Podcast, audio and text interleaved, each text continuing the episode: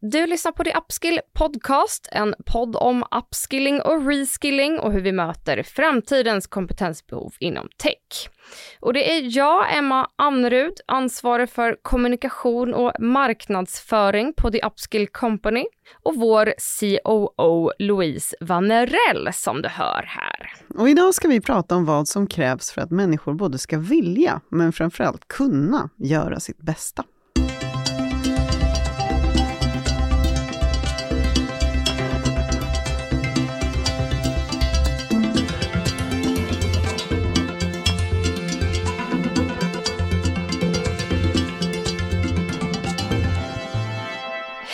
Välkommen, eller välkommen tillbaka kanske till Löpskill Podcast. Idag ska vi prata om något som vi ju ofta diskuterar ihop du och jag Louise, nämligen hur man skapar rätt förutsättningar för folk att göra ett bra jobb och prestera så bra som möjligt. Och det här det handlar ju om att, men om du anställer smarta människor som kan sin grej, så vill du ju ge dem utrymme att göra just det och inte sätta en massa hinder i vägen.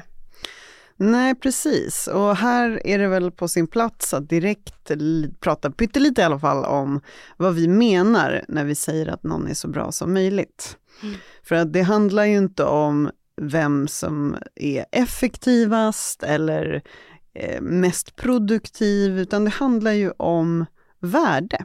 Mm.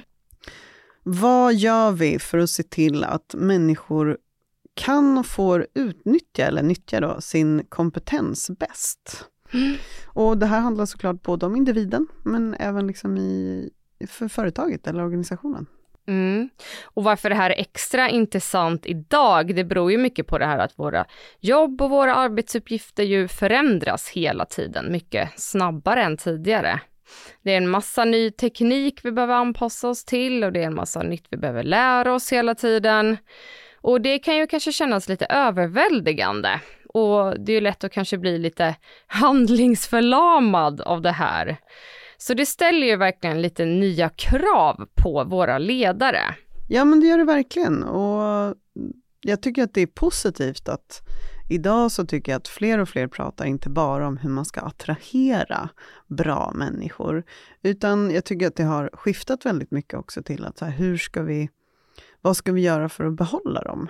Hur ser vi till att vi lovar rätt saker och att man faktiskt får möjlighet att göra ett bra jobb? Mm. Och det är ju verkligen det, för att bra drivna människor som har hög kapacitet vill ju vara i en miljö där de får utrymme för att göra just det. Och då gäller det att se till att, att det är den typen av miljö som vi formar. Men vad är det som hindrar folk då och liksom sätter käppar i, i hjulet? Vad är det man ofta stör sig på som kanske gör att man inte känner att man har utrymme för att göra sitt jobb? Ehm, det är såklart flera saker och det kan ju vara individbaserat också. Men jag tror att om vi ska prata i lite mer generella termer så handlar det väl först och främst om att vi har för lite förtroende för att folk faktiskt kommer att göra saker efter bästa förmåga och kanske också med företagets bästa, liksom organisationens bästa i, i, som ledord eller något sånt där. Och eh, där tror jag att man tappar mycket redan på en gång, men det ska vi prata lite mer om. Men sen så handlar det såklart jättemycket, och det går väl hand i hand med att man har för lite förtroende, och det är att man har otydliga ansvarsområden. Så här, ja, du är ansvarig för att göra det här, men hur långt sträcker sig dina befogenheter att avgöra i en given situation vad som är bäst utifrån det? Mm. Och där kommer vi in i att, så här, var någonstans tas besluten?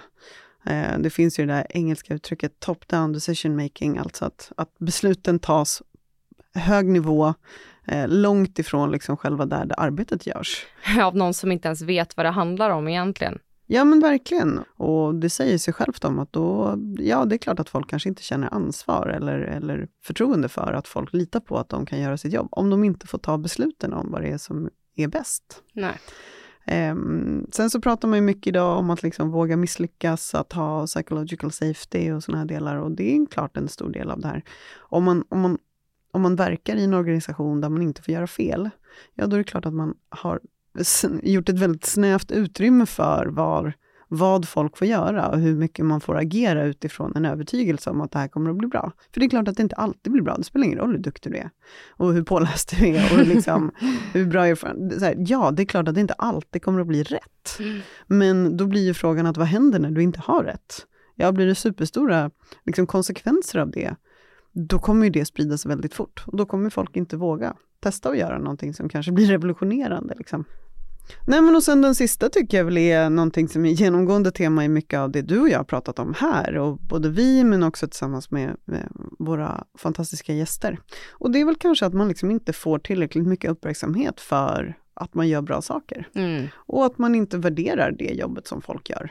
Eh, då är det klart att man tappar, tappar lusten av att, att anstränga sig eller att ta de där riskerna och att gå lite längre för att testa någonting som blir bra. För att man varken känner ansvar, förtroende och man inte räknar med att det heller kommer att, att ge någonting positivt i slutändan. Mm. Man tappar motivation. Exakt. Och här tycker jag att det också är viktigt att, att ta upp att, att de här hindren då som vi pratar om här, kan ju ibland komma liksom från en väldigt välmenande ställe. Um, och då tänker jag liksom på att om man har en organisation där man ändå kanske vill vara ganska platt, då kanske man lägger lite för mycket tid på att det ska finnas konsensus och förståelse. Uh, man kanske vill att liksom så här, folk ska lägga sjukt mycket tid på att rapportera saker för att man tänker att det bidrar liksom till transparent, att alla vet vad det är som händer. Um, och det här, jag menar konsensus och förståelse, det kan ju vara den här grejen om att, här, att det är sjukt svårt att få beslut ifrån någonting. För att det är så många som ska tycka och tänka. Och då precis som det du sa, folk som inte ens vet vad det är de tycker och tänker om. Mm. Så det, det, finns, det är inte alltid att det, de här hindren är väl sällan för att någon vill stoppa käppar i hjulen för någon, eller vill addera hinder i vardagen. Men man tänker inte på vad konsekvenserna av ens välmenande tanke blir. Eller, mm. ja. Nej men och någonting som, som stör mig jättemycket och jag vet att det har gjorts eh, många studier på det här. Det är ju alla de här jädra mötena man av oklar anledning blir inbjuden till. Och liksom möten med jätteotydliga syften. Eh, jag menar snacka om att slösa tid exakt. Och eh, där gäller det väl kanske att ta lite ansvar som, som individ också och liksom påtala det här. Exakt. Och igen då, det är en tydlig koppling till det här med det välmenande. Att om, man, om man ser tydligt att det här inte är för att det finns någon hemsk chef där i toppen som vill liksom kontrollstyra allting, utan att det, det, kommer liksom från att man tänker att det, vore, det blir bra resultat av det här som kommer gynna folk som jobbar här. Mm. Då är det ju ännu viktigare att ta upp att så här, hörni, här tänkte ni rätt men agerade fel så att nu blir det inte resultatet som ni ville ha. Ska mm. vi testa att jobba på det här sättet? Det kanske mer gynnar det här målet som ni hade. Mm. Och precis som du säger med de otydliga syftena i möten så är ju otydlighet ett genomgående tema när vi pratar om vad det är som hindrar folk från att göra sitt bästa. För att även om du satt i en position med ett visst ansvar och kanske mandat, så kanske du ändå blir konstant stoppad i dina beslutsvägar för att det finns en massa kontrollfunktioner som du behöver ta dig igenom för att kunna agera utifrån det då som du, utifrån din liksom kompetens och senioritet och erfarenhet anser skulle bli bäst. Och jag tycker att det finns en, eh, det finns en fantastiskt bra bok. Det finns ju väl väldigt många böcker på just det här temat. Men det finns en som jag läste här för ett tag sedan och som jag fick rekommenderad av en massa människor. Som är, eh, den heter No Rules Rules och handlar om hur man liksom byggde upp kulturen på Netflix. Mm. Och den är ju brutal, ett av mina favoritord. Och det är sant. Um, och här har de, de inför verkligen liksom en, en ganska brutalt eh, annorlunda och nyskapande sätt att jobba med kulturfrågor för att just få bort det här. Och jag tycker att det finns ett otroligt tydligt talande exempel i den som jag nu ska snabböversätta. Oh. Eh, ja. Nej men då handlar det om en kvinna som eh, jobbade på en stor eh, IT-företag, där hon då var satt på ansvar att driva ett stort projekt.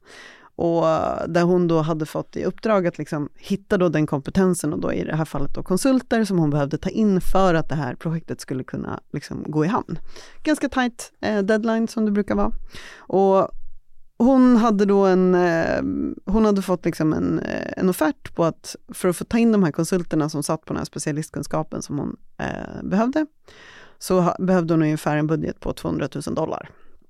Och eh, det gällde liksom ett halvårs jobb och hon behövde sätta igång så fort som möjligt. Och hon visste också att den här, de här konsulterna som hon hade hittat och fått den här offerten för var hett eftertraktade, för det var ganska få som kunde just de här sakerna.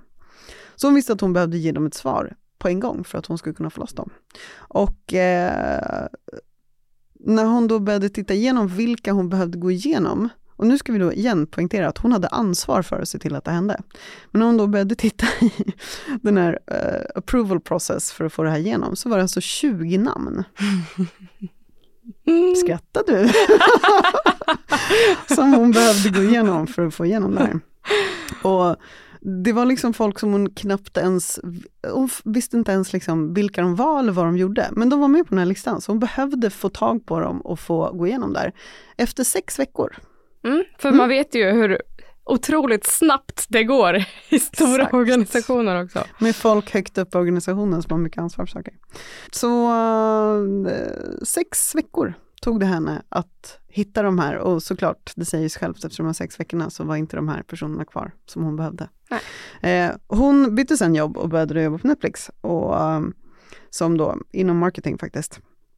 Och efter bara hon hade varit där i tre månader så hade hon förberett en kampanj eller ett förslag på en kampanj. Och hon eh, hade konstaterat att den här då liksom, eh, som hon hade för ett visst projekt skulle kosta en miljon dollar.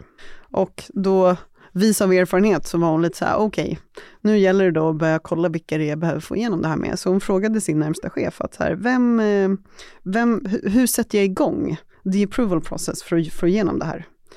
Och han svarade, nej, du skriver på den själv och så skickar du iväg den, kör! läskigt ändå att ha slutet på, vad sa du, en miljon dollar? Jajamän, efter att ha varit någonstans i tre månader. Mm. Nej men och, och det här är ju, som jag sa, det är en ganska brutal, liksom. de tar det till en extrem, men det är då det blir intressant. Mm. Och någonstans så kan man ju bara börja liksom räkna på att så här, hur mycket tid kostade det henne eh, på det här första bolaget då, att överhuvudtaget lägga ner all den här tiden på de här 20 personerna under liksom då, någonting som tog sex veckor. Mm. Som ändå då sen slutade i att hon troligtvis inte fick igenom det här projektet för att de resurserna hon behövde fanns inte längre tillgängliga. Mm. Eh, och, det, och, det, är liksom där det blir, det är där man kan börja spinna vidare på att så här, vad har de här kontrollfunktionerna egentligen för värde? Ja, nej men, och det Netflix har gjort är ju helt enkelt att jobba fram en bra kultur. En öppen och transparent kultur som ja, men fokuserar på att skapa just förutsättningar och stärka sina anställdas möjligheter att vara innovativa och ta ansvar. Och det är väl det allting handlar om egentligen. Exakt. Ja, men och då är det ju kommunikation som är nyckeln, som alltid.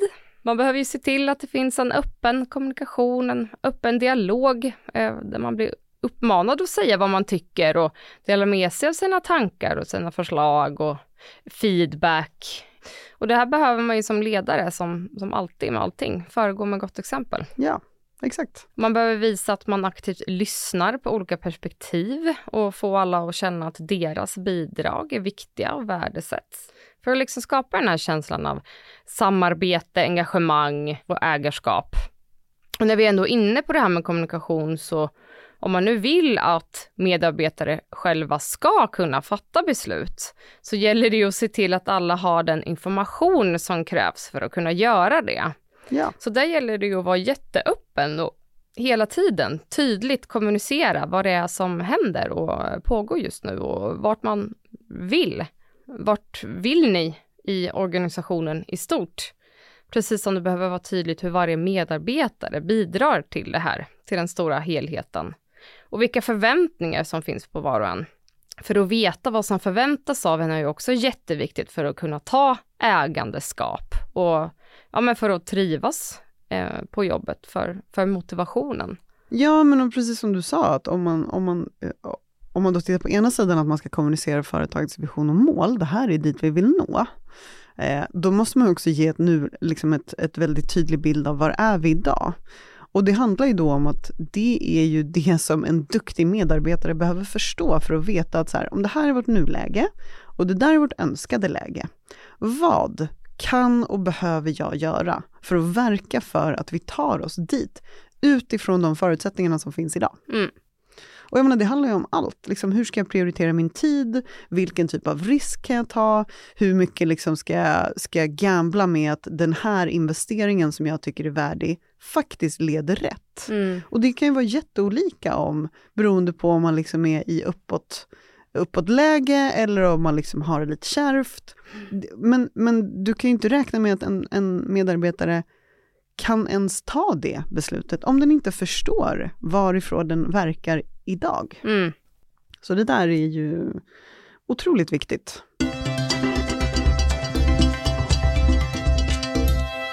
Men om vi ska ta och komma till eh, det kanske viktigaste här då. Eh, vad, vad, gör vi för att få bort de här hindren då? Hur skapar vi rätt förutsättningar för folk att göra ett bra jobb? Ja, nu blir det ju lite upprepning då på det vi redan har sagt, men uh, repetition är ju all kunskapsmoder.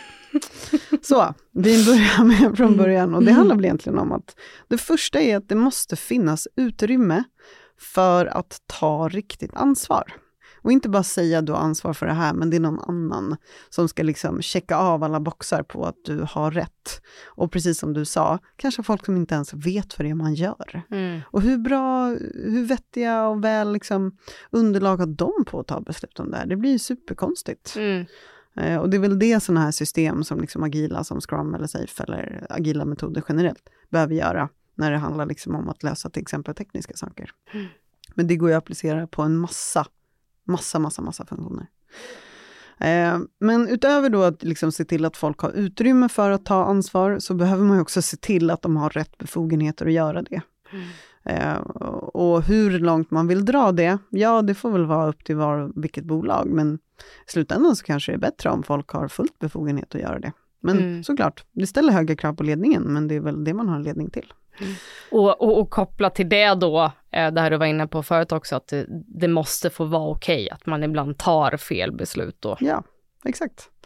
Och det, det pratar de jättemycket om i den här boken också, liksom hur, man, hur de har byggt upp ett system kring vad man, hur man hanterar sina misstag där de pratar jättemycket om, det här blir en liten passus, men att eh, så här, shine a light on det. Alltså så här, var superöppen med att så här, här hade vi den här planen, det här var så vi tänkte, det här var liksom utgångsläget, eh, det här var vad som hände. Och vi tror att det beror på att vi tänkte fel på de här, de här parametrarna, vi hade inte koll på det här i den här liksom, eh, ja, världsdelen, att det funkade så. Mm.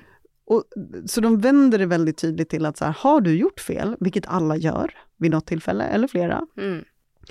då måste du liksom bidra med alla eh, lärdomar som vi tog av det. För då är det inte någonting som har, ett misstag som har kostat, utan vi har lärt oss saker om den verksamhet som vi verkar i. Mm. Hur vettigt som helst när man säger det. Mm. Och så himla svårt och för många att verka i. Um, ja, man behöver också underhålla kompetensnivån. För att folk ska kunna göra det här, för att folk ska kunna liksom känna ansvar, så behöver man ju se till att de vet vad de behöver veta och att det finns utrymme att se till att de lär sig nya saker som de behöver veta. Mm. Så att underhålla kompetensnivån blir jätteviktigt om man menar att folk ute i organisationen ska kunna ta ansvar och göra sitt bästa. Mm. För att göra sitt bästa i en given situation kan ju förändras beroende på förutsättningarna. Exakt. Um, igen, Eh, var så brutalt transparent som det bara går. För att det är grundförutsättningen för att de som du jobbar med ska kunna känna ett äkta engagemang och både vilja och kunna göra sitt bästa. Det går inte att trycka på det tillräckligt mycket om att om man inte vet var man verkar ifrån, ja då är det sjukt svårt att ta rätt beslut som verkar för det. Mm. Och någonstans så blir ju liksom hela kontentan av det här, blir ju någonstans som att om, om du lägger ner en massa tid och pengar på att hitta de bästa personerna som du vill ska jobba i din verksamhet, eh, så behöver du vara tydlig med att du litar på att de är där för att göra sitt bästa. Eh, men du måste också se till att du har en struktur som förstärker det genom att du tar bort alla onödiga kontrollinstanser som så att du förstärker att du litar på folk. Och om du gör de här sakerna så är chansen betydligt större att du kommer ha en arbetsstyrka som känner ansvar för hur de agerar. Och som både tänker liksom på teamets bästa, men som framför allt som handlar utifrån bolagets bästa intresse. För det säger sig självt. Om, om du visar mig att du har liksom förtroende för att jag är här för att jag kan saker och för att jag kommer att göra det bästa, då är jag väldigt mån om att visa för dig att jag lever upp till det. Mm. Exakt. Det är inte svårare än så. Nej, men den tycker jag är jätteviktig, att så här, utgå från att folk vill. Mm. Ja. Nej men eh, jättebra. Eh, en sista uppmaning här då innan vi avslutar, det får väl bli att ja, men till dig som ledare, syna dig själv lite i sömmarna. vad har du för kontrollfunktioner eller vad finns det för hinder för dina medarbetare att ta ansvar själva eh, och göra ett så bra jobb som möjligt. Och eh, kanske också till dig som individ då, att göra en egen liten genomlysning av din vardag eh, och vad det är som tar onödig tid, eh, vad det är som gör att du lägger ner tid på sånt som inte ger något värde eh, och ta upp det här med din chef. Helt rätt. Mm. Mm. Ja men tack för idag då Louise och tack till dig som lyssnade. Tack.